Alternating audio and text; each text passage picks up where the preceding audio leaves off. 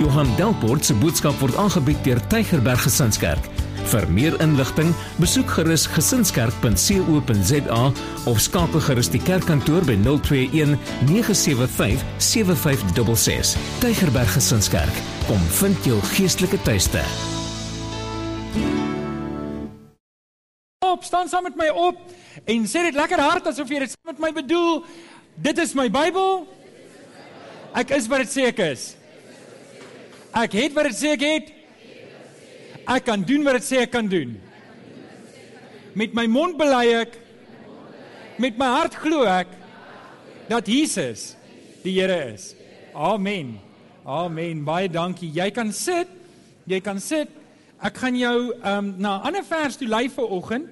Ek um, op jou raamwerk staan Lukas 13 vers 8 tot 22, maar ek gaan jou vat na Matteus 13 vers 31. As jy dit op jou raamwerk kan skryf, is presies dieselfde teks. Die een is net in Lukas en die ander een is in Matteus, maar omdat al my tekste, my hooftekste kom met Matteus uit vanoggend, wil ek bly by Matteus. So skryf langs dan is dieselfde teks, is net in Matteus uh, 13 vanaf vers 31 en uh as jy jou Bybel kan oopmaak by Matteus 13 vers 31, dan gaan ons saam lees daaroor.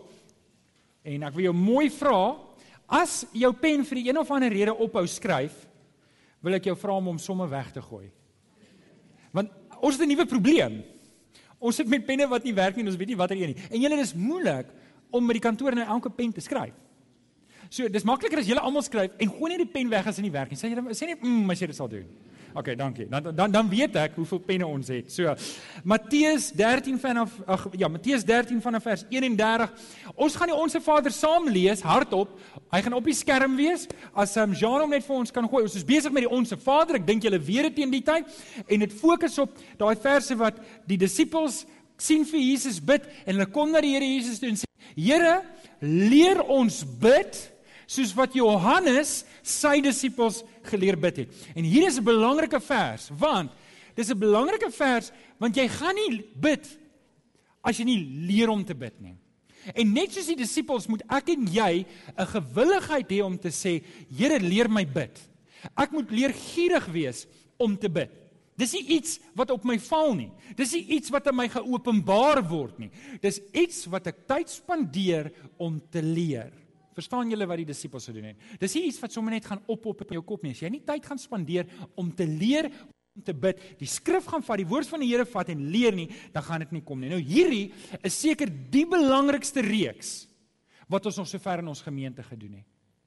Nou ek julle kan onthou in die, in die eerste deel het gesê, wat dink julle sal gebeur as die leiers van hierdie gemeente as die leiers van die gemeente as ek en Alex en François en Johan Maree en Dan de Wet as ons sê ons gaan vir hierdie gemeente begin bid, dink julle dit gaan 'n verskil maak? Ja, dit gaan. Wat dink julle gaan al die leiers van al die diensareas, al die selleiers, al die koffietannies en blommietannies, as almal besluit hoe ons gaan begin bid vir ons gemeente. Dink julle dit sal 'n groot verskil Ek glo dit. Wat dink julle, ek weet nie hoeveel is ons hier nie. Ek skat 300. Wat dink julle gaan gebeur as die 300 mense van ons wat hier is en ons kry die kinders en ons mobiliseer hulle en ons begin bid. Dink julle daar gaan herlewing plaasvind? Ek glo dit met my hele hart. Ek glo dit met my hele hart. En dis hoekom hierdie vir my so belangrik belangrike um reeks is. Nou, as jy by 'n braaivleis kan gesels oor karre oor Help my nou want ek wil nou versigtig wees. Rugby, ja, hoe mis ek hom? Oor aandele. Oor die regering, los daai ene. Oor sewende laan, dames. Maar ek kan nie bid nie. Dan moet ek weet iewers het ek die leuen van Satan geglo. Want hy wil my en jou programmeer, jy kan nie bid nie. Jy mag nie bid nie, jy kan nie bid nie. Los die bidwerk vir die dom nie. O, jy kort gebed. Wel, dan moet die dominee kom want jy kan nie bid nie. Julle ek maak nie as jy wil ek moet saam met jou kom bid. Ek kom bid baie graag saam met jou. Maar jy mag nooit dink my gebed het enigsins meer waarde as jou gebed nie. Sê bietjie amen toe. Sê gou-gou vir die ou langs en jou gebed is net soveel werd soos die dominee se gebed. Is net soveel werd. Ek bid dalk amper sê ek mooier. ek kan dalk mooier woorde gebruik. En teologiese woorde gebruik. Maar my gebed het nie meer waarde as jou gebed nie. Alraai, met dit in gedagte, kom ons lees op die bord um die onsse Vader. Lees saam met my hart op 1 2 3. Onse Vader wat in die hemel is, laat U naam geheilig word. Laat U koninkryk kom. Laat U wil geskied op die aarde net soos in die hemel. Gee ons vandag ons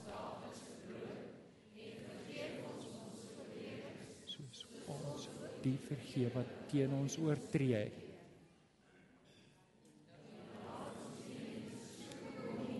Maar verlos ons van die bose.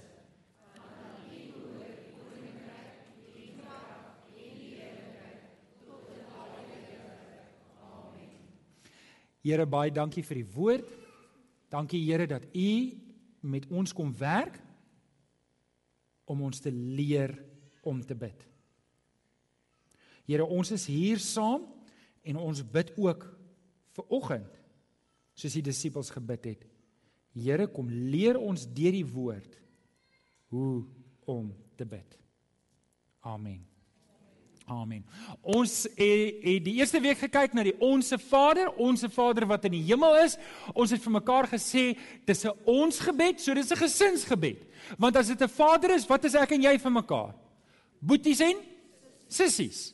Okay, ek is 'n bietjie ouer, so is boets en sis. Ek weet nie hoe gaan ons dit doen nie, maar ons is boeties en sissies in die Here Jesus. So dis ons, dis Vader, so hy ons het dit nou gesê en dan wat in die hemel is. Nou, wat in die hemel is, probeer nie vir jou afstand gee dat God ver is van jou nie. Hy is naby aan jou, maar dit gee vir jou die idee dat hy almagtig is dat hy sterk is. En daai onsse Vader wat in die hemel is, dit lei na die volgende deel toe wat Alex gepreek het, laat u naam geheilig word. Hoorie, hier is nie 'n aardse Vader nie. Ek kan onthou julle daar was 'n tyd toe my broer begin rook het. En my pa my pa het ook gerook, maar toe hy ophou rook, toe begin my broer rook. Julle asseblief moenie begin rook nie. En dan, dan kan ek onthou hoe skaam my gekry het om te rook as my pa inkom. Ek het baie tweedehandse en derdehandse rook van hom gekry. Ek besef dit nou eers. Gelukkig het daai ding nooit gestiek op my nie. Ek kan onthou, dan raas my pa met hom. Jy rook, wa wa wa, en dan gaan koop hy vir hom sigarette. Ek het dit nie verstaan nie. En jy paas op die aarde kan baie keer sulke goed doen. Hulle is nie konsekwent nie. Maar jou God is heilig. Hy's nie soos 'n aardse pa nie. En um, Alex het baie mooi gepreek daaroor dat hy gepreek oor die naam van God wat geheilig is. Hy's afgesonder. Hy het die hele woord Hagios mooi uitgelê vir ons. En ek wil jou mooi vra as jy 'n preek gemis het, gaan luister dit asseblief op die internet. Dit is daarso en jy kan dit ons gaan uh, Rian gaan vir ons in die week ook die nuwe raamwerke op elkeen daar sit, so dan kan jy dit daarso kry ook. Nou vir oggend gaan ons verder. Ons kom by die derde deel, laat u koninkryk kom.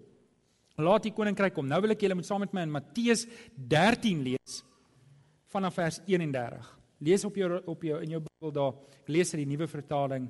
Hy het nog 'n gelykenis aan hulle voorgehou en gesê: "Die koninkryk van die hemel is soos 'n mosterdsaadjie wat iemand gevat het en in sy land geplant het. Dis die kleinste van al die soorte saad, maar as dit uitgegroei het, is dit groter as die tuinplante en word dit 'n boom sodat die voëls in sy takke kom nes maak. Hy het hulle nog 'n gelykenis vertel. Die koninkryk van die hemel is so suurdeeg wat 'n vrou gevat het en 'n groot skottel meel ingewerk het totdat die totdat dit heeltemal deursuur was.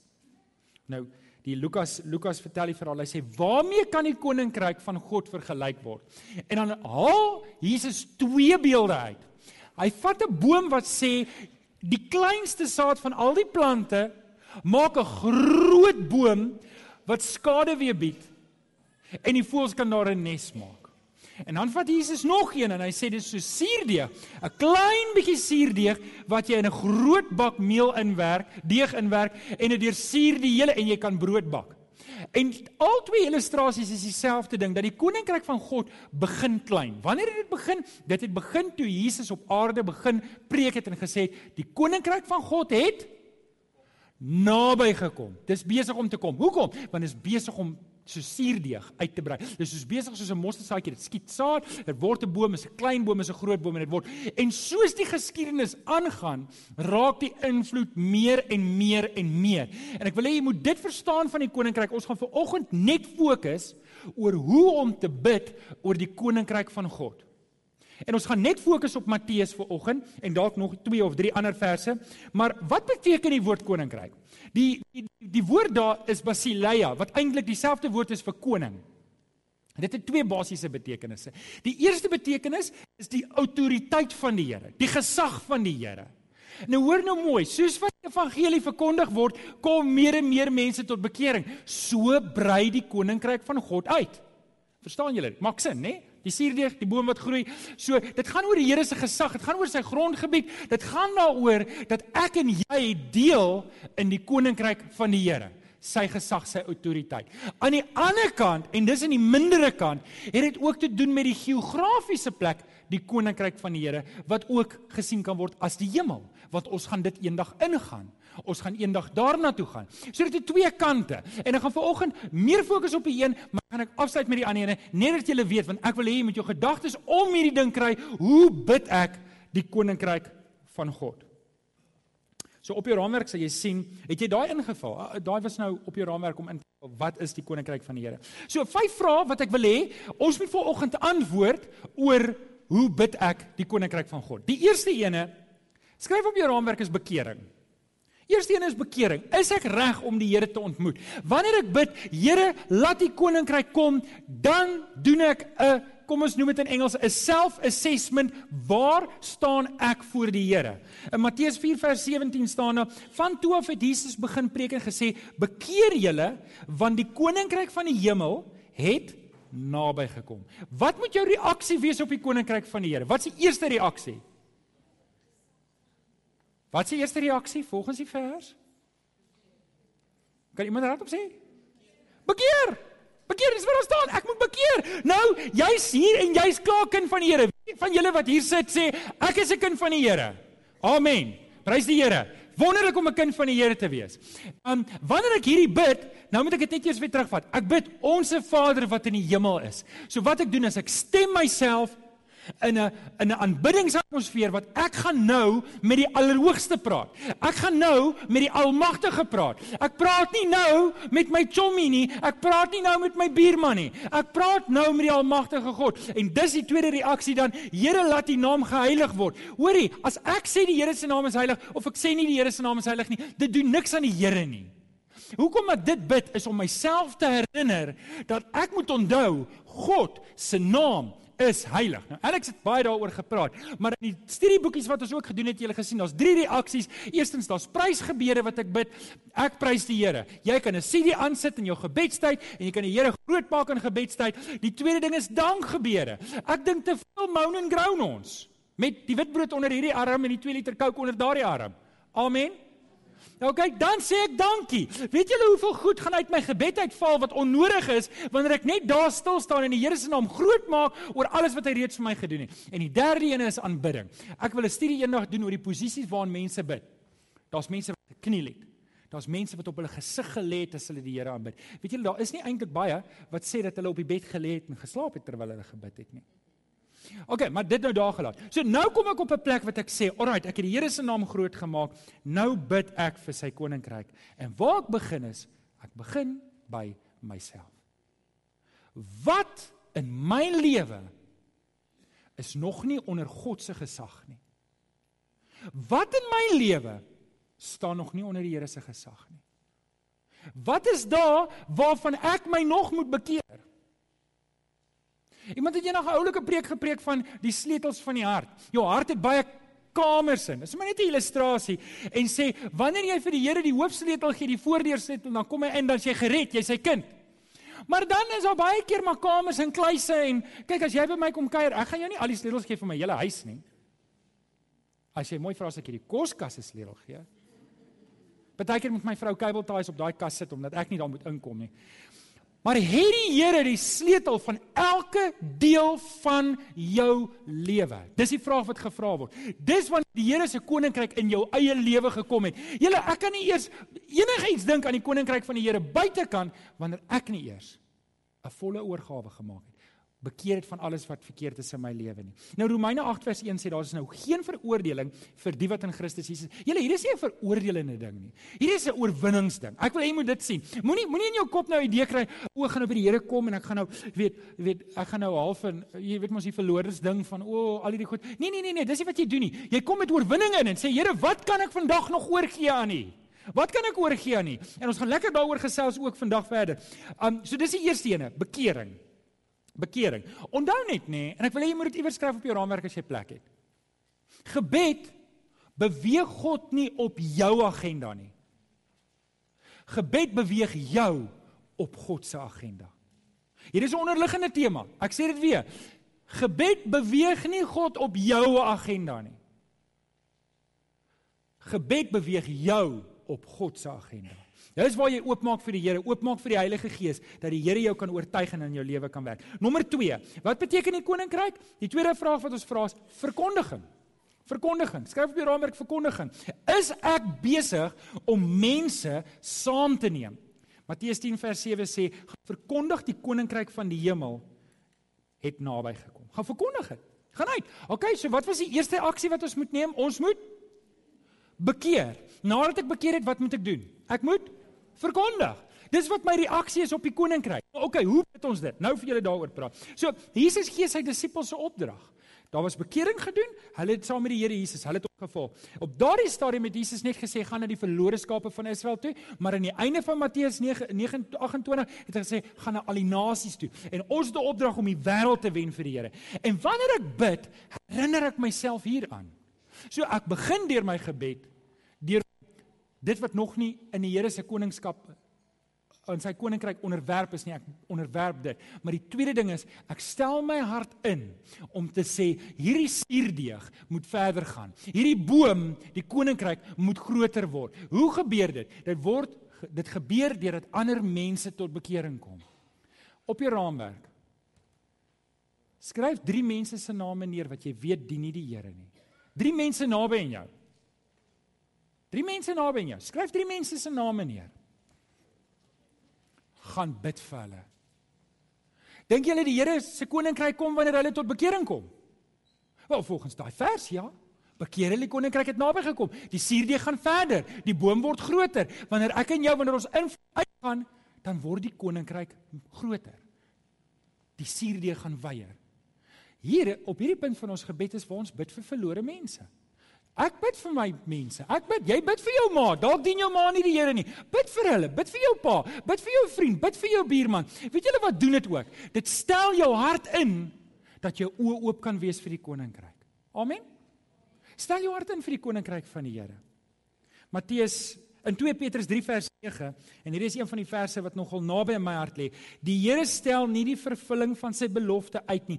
Al dink party mense so. Nee, hy's geduldig met julle omdat hy nie wil hê iemand moet verlore gaan nie. Hy wil hê dat almal hulle moet bekeer. Daar's hy woord bekeer weer. Dis wat die Here se wil is. Dis wat sy hart is. Hoor vanoggend die Here se hartklop. Wanneer ons bid Here laat die koninkryk kom. Dan is dit nie nou net tik, ek het hom gebid, dan sê ek is klaar. Kom ek gaan aan. Nou is ek by die volgende punt nie. Nee nee nee nee. Ons moet hier stil staan. Ons moet hier stil staan in ons gebed. En ons regtig ons hart uitstort vir die Here. Ek lees in Matteus 9 vers 36. Toe hy die menigte sien, Jesus kyk na die menigtes, het hulle innig jammer gekry want hulle was moeg en hulpeloos so skape wat nie 'n wagter het nie. En hy sê toe vir sy disippels: "Hoor nou mooi, die oes is groot, maar die arbeiders is min." Vers 38: "Bid dan dat die Here aan wie die oes behoort dat hy arbeiders moet stuur. Ons kry 'n opdrag. Wat moet ons doen? Ons moet Nee. Die vakansie is nog te ver. Ons moet O, oh, nee, jy, daar was fout met daai koffie, was nie genoeg koffie nie. Julle ons moet bid. Die Here gee ons 'n opdrag, ons moet bid. Waarvoor moet ons bid? Ons moet bid vir arbeiders. Daar's te veel werk, daar's te min arbeiders. Is daar fout met die oes? Julle hoor dit gereeld? Nee, daar's nie fout met die oes nie. Waar lê die fout? Daar's te min arbeiders. Kan ek vir jou vanoggend vra? Is jy 'n arbeider? Wat besig is om te werk in die koninkryk van die Here? Ek bid Here, stuur asseblief arbeiders. Die bekerings gaan daar wees. Mense gaan nie Here Jesus aanneem. Mense gaan, maar wat daar kort is hande en voete en monde wat die boodskap kan uitdra. Julle, ek wil hê julle moet gou-gou mooi verstaan. Wanneer ek hierdie goed bid, dit gaan nie oor Tygerberg Gesinskerk nie. Julle Ja, hier's nog 'n paar oop stoele. Ons kan nog 'n paar mense hier en daar insit. Dit sou lekker wees as die kerk vol is. Kerk sing altyd lekkerder hoe vol hy is. Waar's Kenneth? Is dit so? Ja. Maar dis nie waar dit gaan nie. Gaan oor die koninkryk van die Here. Die koninkryk brei uit. Die koninkryk brei uit. Dis waar ons bid. Nommer 3. Is ook 'n leefstyl. Lewe ek in volle afhanklikheid en oorgawe aan die Here. Skryf daarso leefstyl. Dis 'n leefstyl. Matteus 5 vers 3 sê: "Geseënd is die wat weet hoe afhanklik hulle van God is, want aan hulle behoort die koninkryk van die hemel."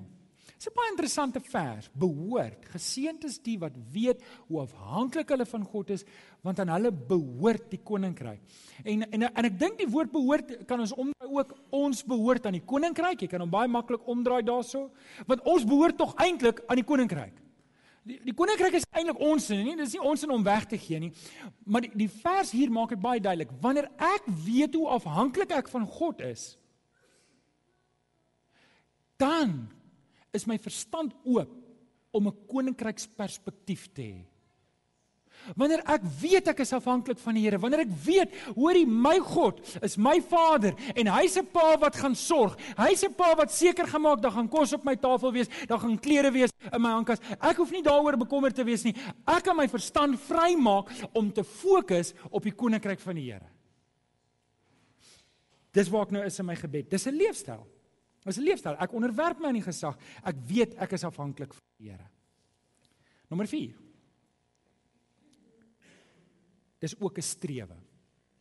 Dis 'n strewe. Ek beywer my vir die Here se koninkryk. Hoe beywer ek my vir die koninkryk van die Here?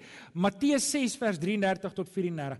Beywer julle allereers vir die koninkryk van God en vir die wil van God, dan sal hy julle ook al hierdie ander dinge gee.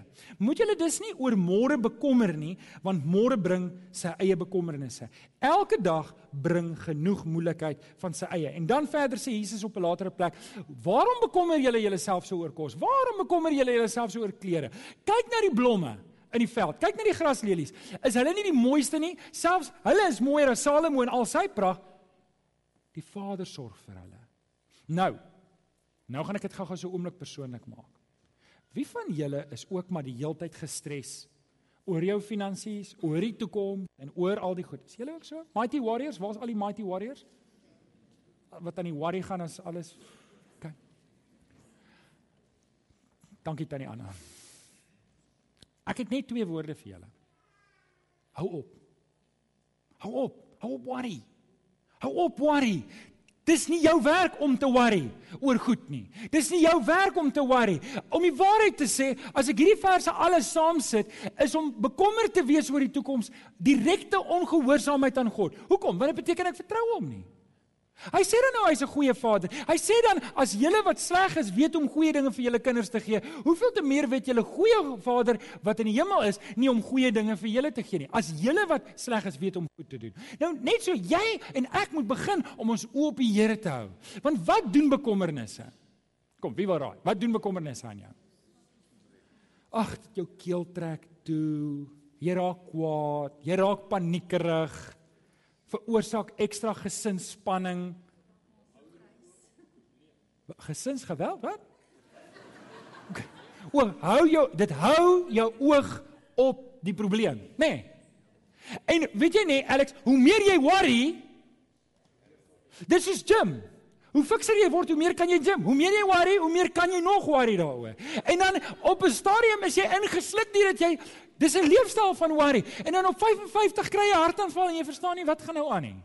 Bedoel nie as jy op 55 hartaanval het dat jy jou hele lewe lank geworry het oor kos en klere nie. Maar julle dis nie die wil van die Here van jou om te worry nie. Hy wil nie jy moet worry nie. Hou op daarmee. Sê vir jou lank so, hou op worry. Hou op worry. Sit jou vertroue in die Here. Sê my Johan, dis makliker gesê as gedaan. Ek weet, ek is ook 'n mens. Ek het ook 'n budget en ek het ook 'n vrou wat 'n kredietkaart het wat toegang het tot my bankrekening. Ek weet. OK? OK, luister, luister, kan ek net eers dit sê. As jy agterkom jy spandeer elke maand meer as wat jy inkry, dan is dit tyd om 'n finansiële adviseur te gaan sien wat jou help met 'n budget. OK, so hierdie is nou nie van toepassing daarop nie. Ons moet slim werk met ons geld. So kan ek net wil nou nie hê moet oor 2 jaar hier kom sê ek het 180 000 rand op 'n kredietkaart spandeer want jy het gesê ek moet nie worry nie. So jy weet Dit gaan internet toe, net seker maak ja. OK. Hoekom jy nie moet worry nie? Is want wanneer ek worry, dan strewe ek na iets anders. My bekommernisse maak dat ek strewe na nog geld en na nog groter geld en na nog weet julle die Here sê Dawid sê vir die wat die Here liefhet gee hy hierdie dinge in hulle slaap. Ek het 'n baie goeie vriend en hy vertel vir my hierdie getuienis. Hy het nie gevra daarvoor nie. 'n Ou kom sien vir hom sê hoor jy het hierdie verhoging gekry by die werk. Gaan jy dit wegvat? Hy sê dit was 'n fout. Ag maar hy is so wonderlike godsman soos wat hy is, sê nee, ek verstaan. Hy sê nee, ons gaan nou profit sharing doen. Hy het nie gevra daarvoor nie. Die Here gee dit vir hom. Die Here gee dit vir hom. Hoorie, moenie worry nie.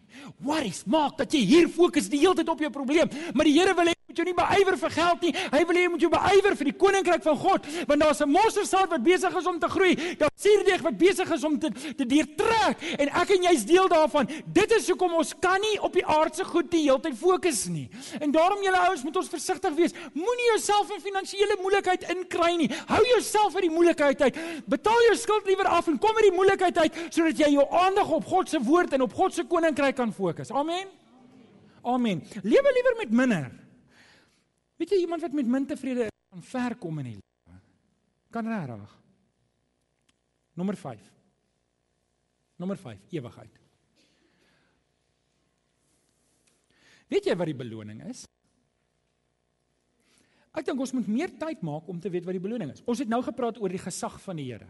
Nê? Nee? Die autoriteit van die Here. Ons het gepraat oor die autoriteit van die Here wat hy het in my lewe, wat hy het in die kerk, het hy ook wat hy ook het in hierdie wêreld. En ek en jy neem deel aan die koninkryk. So wanneer ek en jy werk, dan groei die die mosterdsaad. Hy word 'n boom. Hoe meer ek en jy werk, hoe groter groei die boom. Hoe meer ek en jy werk, hoe meer versprei die suurdeeg. Hoe meer versprei dit. Maar dit kom tot op 'n klimaks. En dit is waar ons nou kom by die geografiese plek. Matteus 7 vers 21 sê: "Nie elkeen wat sê Here sal in die koninkryk van die hemel ingaan nie. Maar net hy wat doen vir my Vader wat in die hemel is. sien, die feit is wanneer ek en jy hier doodgaan, gaan ons na een van twee plekke toe. En ek wil net eers een praat oor die een. Kom ons praat oor die hemel. Ek aanvaar jy sit vanoggend hier en jy's 'n kind van die Here, jy's lief vir die Here, jy gaan hemel toe. Jy 80 jaar hier, 70, 50, ek weet nie, 100 jaar wat ek en jy vir die Here kan werk. En dan gaan ons by die Here wees. En dit gaan 'n wonderlike plek wees. Dit is 'n fisiese plek. Filippense 3 vers 14 sê Paulus, ek span my in om by die wenstreep te kom sodat ek die hemelse prys kan behaal waartoe God my geroep het. Paulus sê op 'n ander plek, hy sê ek maak my los van wat agter is. Ek strek my uit na wat voor is. Hoekom? Want ek wil nie goed hê wat my aandag aftrek nie. En sien wanneer ek my oog hou op die hemelse prys, dan is dit makliker om die bietjie moeilikhede wat ek hier ervaar te dra. Maar wanneer ek nie my oog hou op die koninkryk van die Here nie, wat gebeur? Dan begin al die klein probleempies wat hier om my is vir my groot probleme word. Jy weet, as jy 'n mikroskoop vat, kan selfs die mikroste mikrostorge. Het julle gesien hoe lyk van daai mikroorganismes? Dis monsters, hoor. Dit het meer bene as wat enige ding wettig toegelaat mag hê om En dan vreet dit ander goed so en dan is dit weg. As jy jou bloed, dis dis erg om dit te sien. Dis hoekom ek nie medies kan dit sal uit van nie. 'n Klein ding kan groot opgeblaas word wanneer ek nou mikroskopies daarna kyk. En net so in ons lewe kan iets wat regtig nie 'n probleem is nie, kan jou hele lewe verswelg en jou aandag van die wenstreep afhaal omdat jy nou sit met jou mikroskoop en hierdie probleem van jou analiseer en plaas ons net ons probleem na die Here vat werp al jou bekommernisse op hom want hy sorg vir jou. Here, dis nie maar jou probleem is nie jou probleem nie. Amen. Sê vir jou langs jou probleem is nie jou probleem nie. Jou probleem is om jouself beskikbaar te stel vir die koninkryk van die Here. En dis wat ons in gebed doen. Ek kom in gebed na die Here toe en sê Here, laat die koninkryk geskied in my lewe. Ek hou my oog op die prys. Ek is op pad hemel toe. Weet jy? Ja, gaan ek baie keer siek raak? Wel, dit wat jou nie doodmaak nie, maak jou sterker. Dit wat jou doodmaak, stuur jou hemel toe. OK, net daai ding uit die pad uit kry. Nou. Daar is 'n ander kant. In 2 Petrus 3 vers 9 en dit is die realiteit. Die Here stel nie die vervulling van die belofte uit al dink party mense so nee, hy's geduldig met julle want hy wil nie hê iemand moet verlore gaan nie. Julle die hel is 'n realiteit. Ek dink baie keer maak ons te min daarvan. Julle die evangelie is die goeie nuus. Ons verkondig nie die hel buitekant nie. Maar ons wat hier sit, moet goed bewus wees dat die hel is 'n realiteit. Die hel is 'n realiteit. En ek en jy te werk. Ek en jy deel van die mosterdsaad wat moet groei. Ek en jy het deel aan die suurdeeg wat gekneus moet word.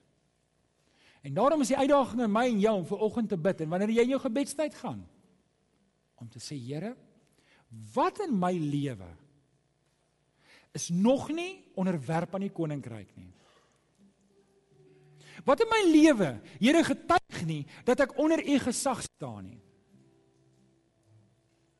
Dis wanneer ek bid, Here, u koninkryk moet kom. Maar daar's nog soveel mense daar buite wat u nie ken nie. Ek kyk na my buurman, ek kyk na my ma, ek kyk na my ek kyk na my broer, ek kyk na my kinders. Here red hulle. Red hulle. Ek bid Here laat die koninkryk kom. Here help vir my dat my aandag nie afgetrek word nie, want dis nou die einde van die maand en alles moet nou weer afgaan, maar Here, ek gaan nie dat hierdie bekommernisse my aandag aftrek van die koninkryk nie.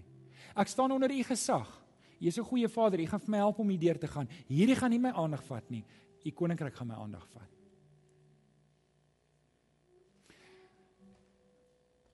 Ek bid Here dat u koninkryk kom in ons regering. Here red ons president. Red hom, red ons politikuste. Ek bid vir die leierskap van ons gemeente. Seën ons predikant. Seën vir Alex. Seën die mense wat in ons gemeente werk. Weer die duiwel loop rond soos 'n brullende leeu en hy wil graag onmensaai tussen ons. Here asseblief, help vir ons dat ons waar die duiwel sy tentakels inkry dat ons dit kan sien en aanspreek en reg kan kry. Ja, Here, laat U koninkryk kom in ons gemeente. Laat die gesag wat U oor ons gemeente het, dat ons dit erken en doen wat nodig is om dit te doen. sien julle wat ek probeer sê? Ek bid die koninkryk.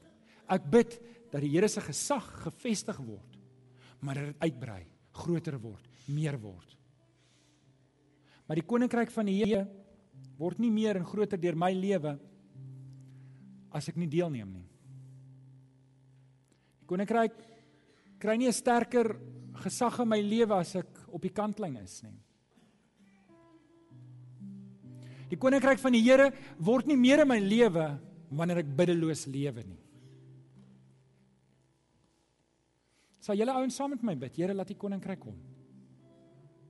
Bid saam met my. Bid. Julle ouens bid vir my asseblief. Bid vir die leierskap van hierdie gemeente.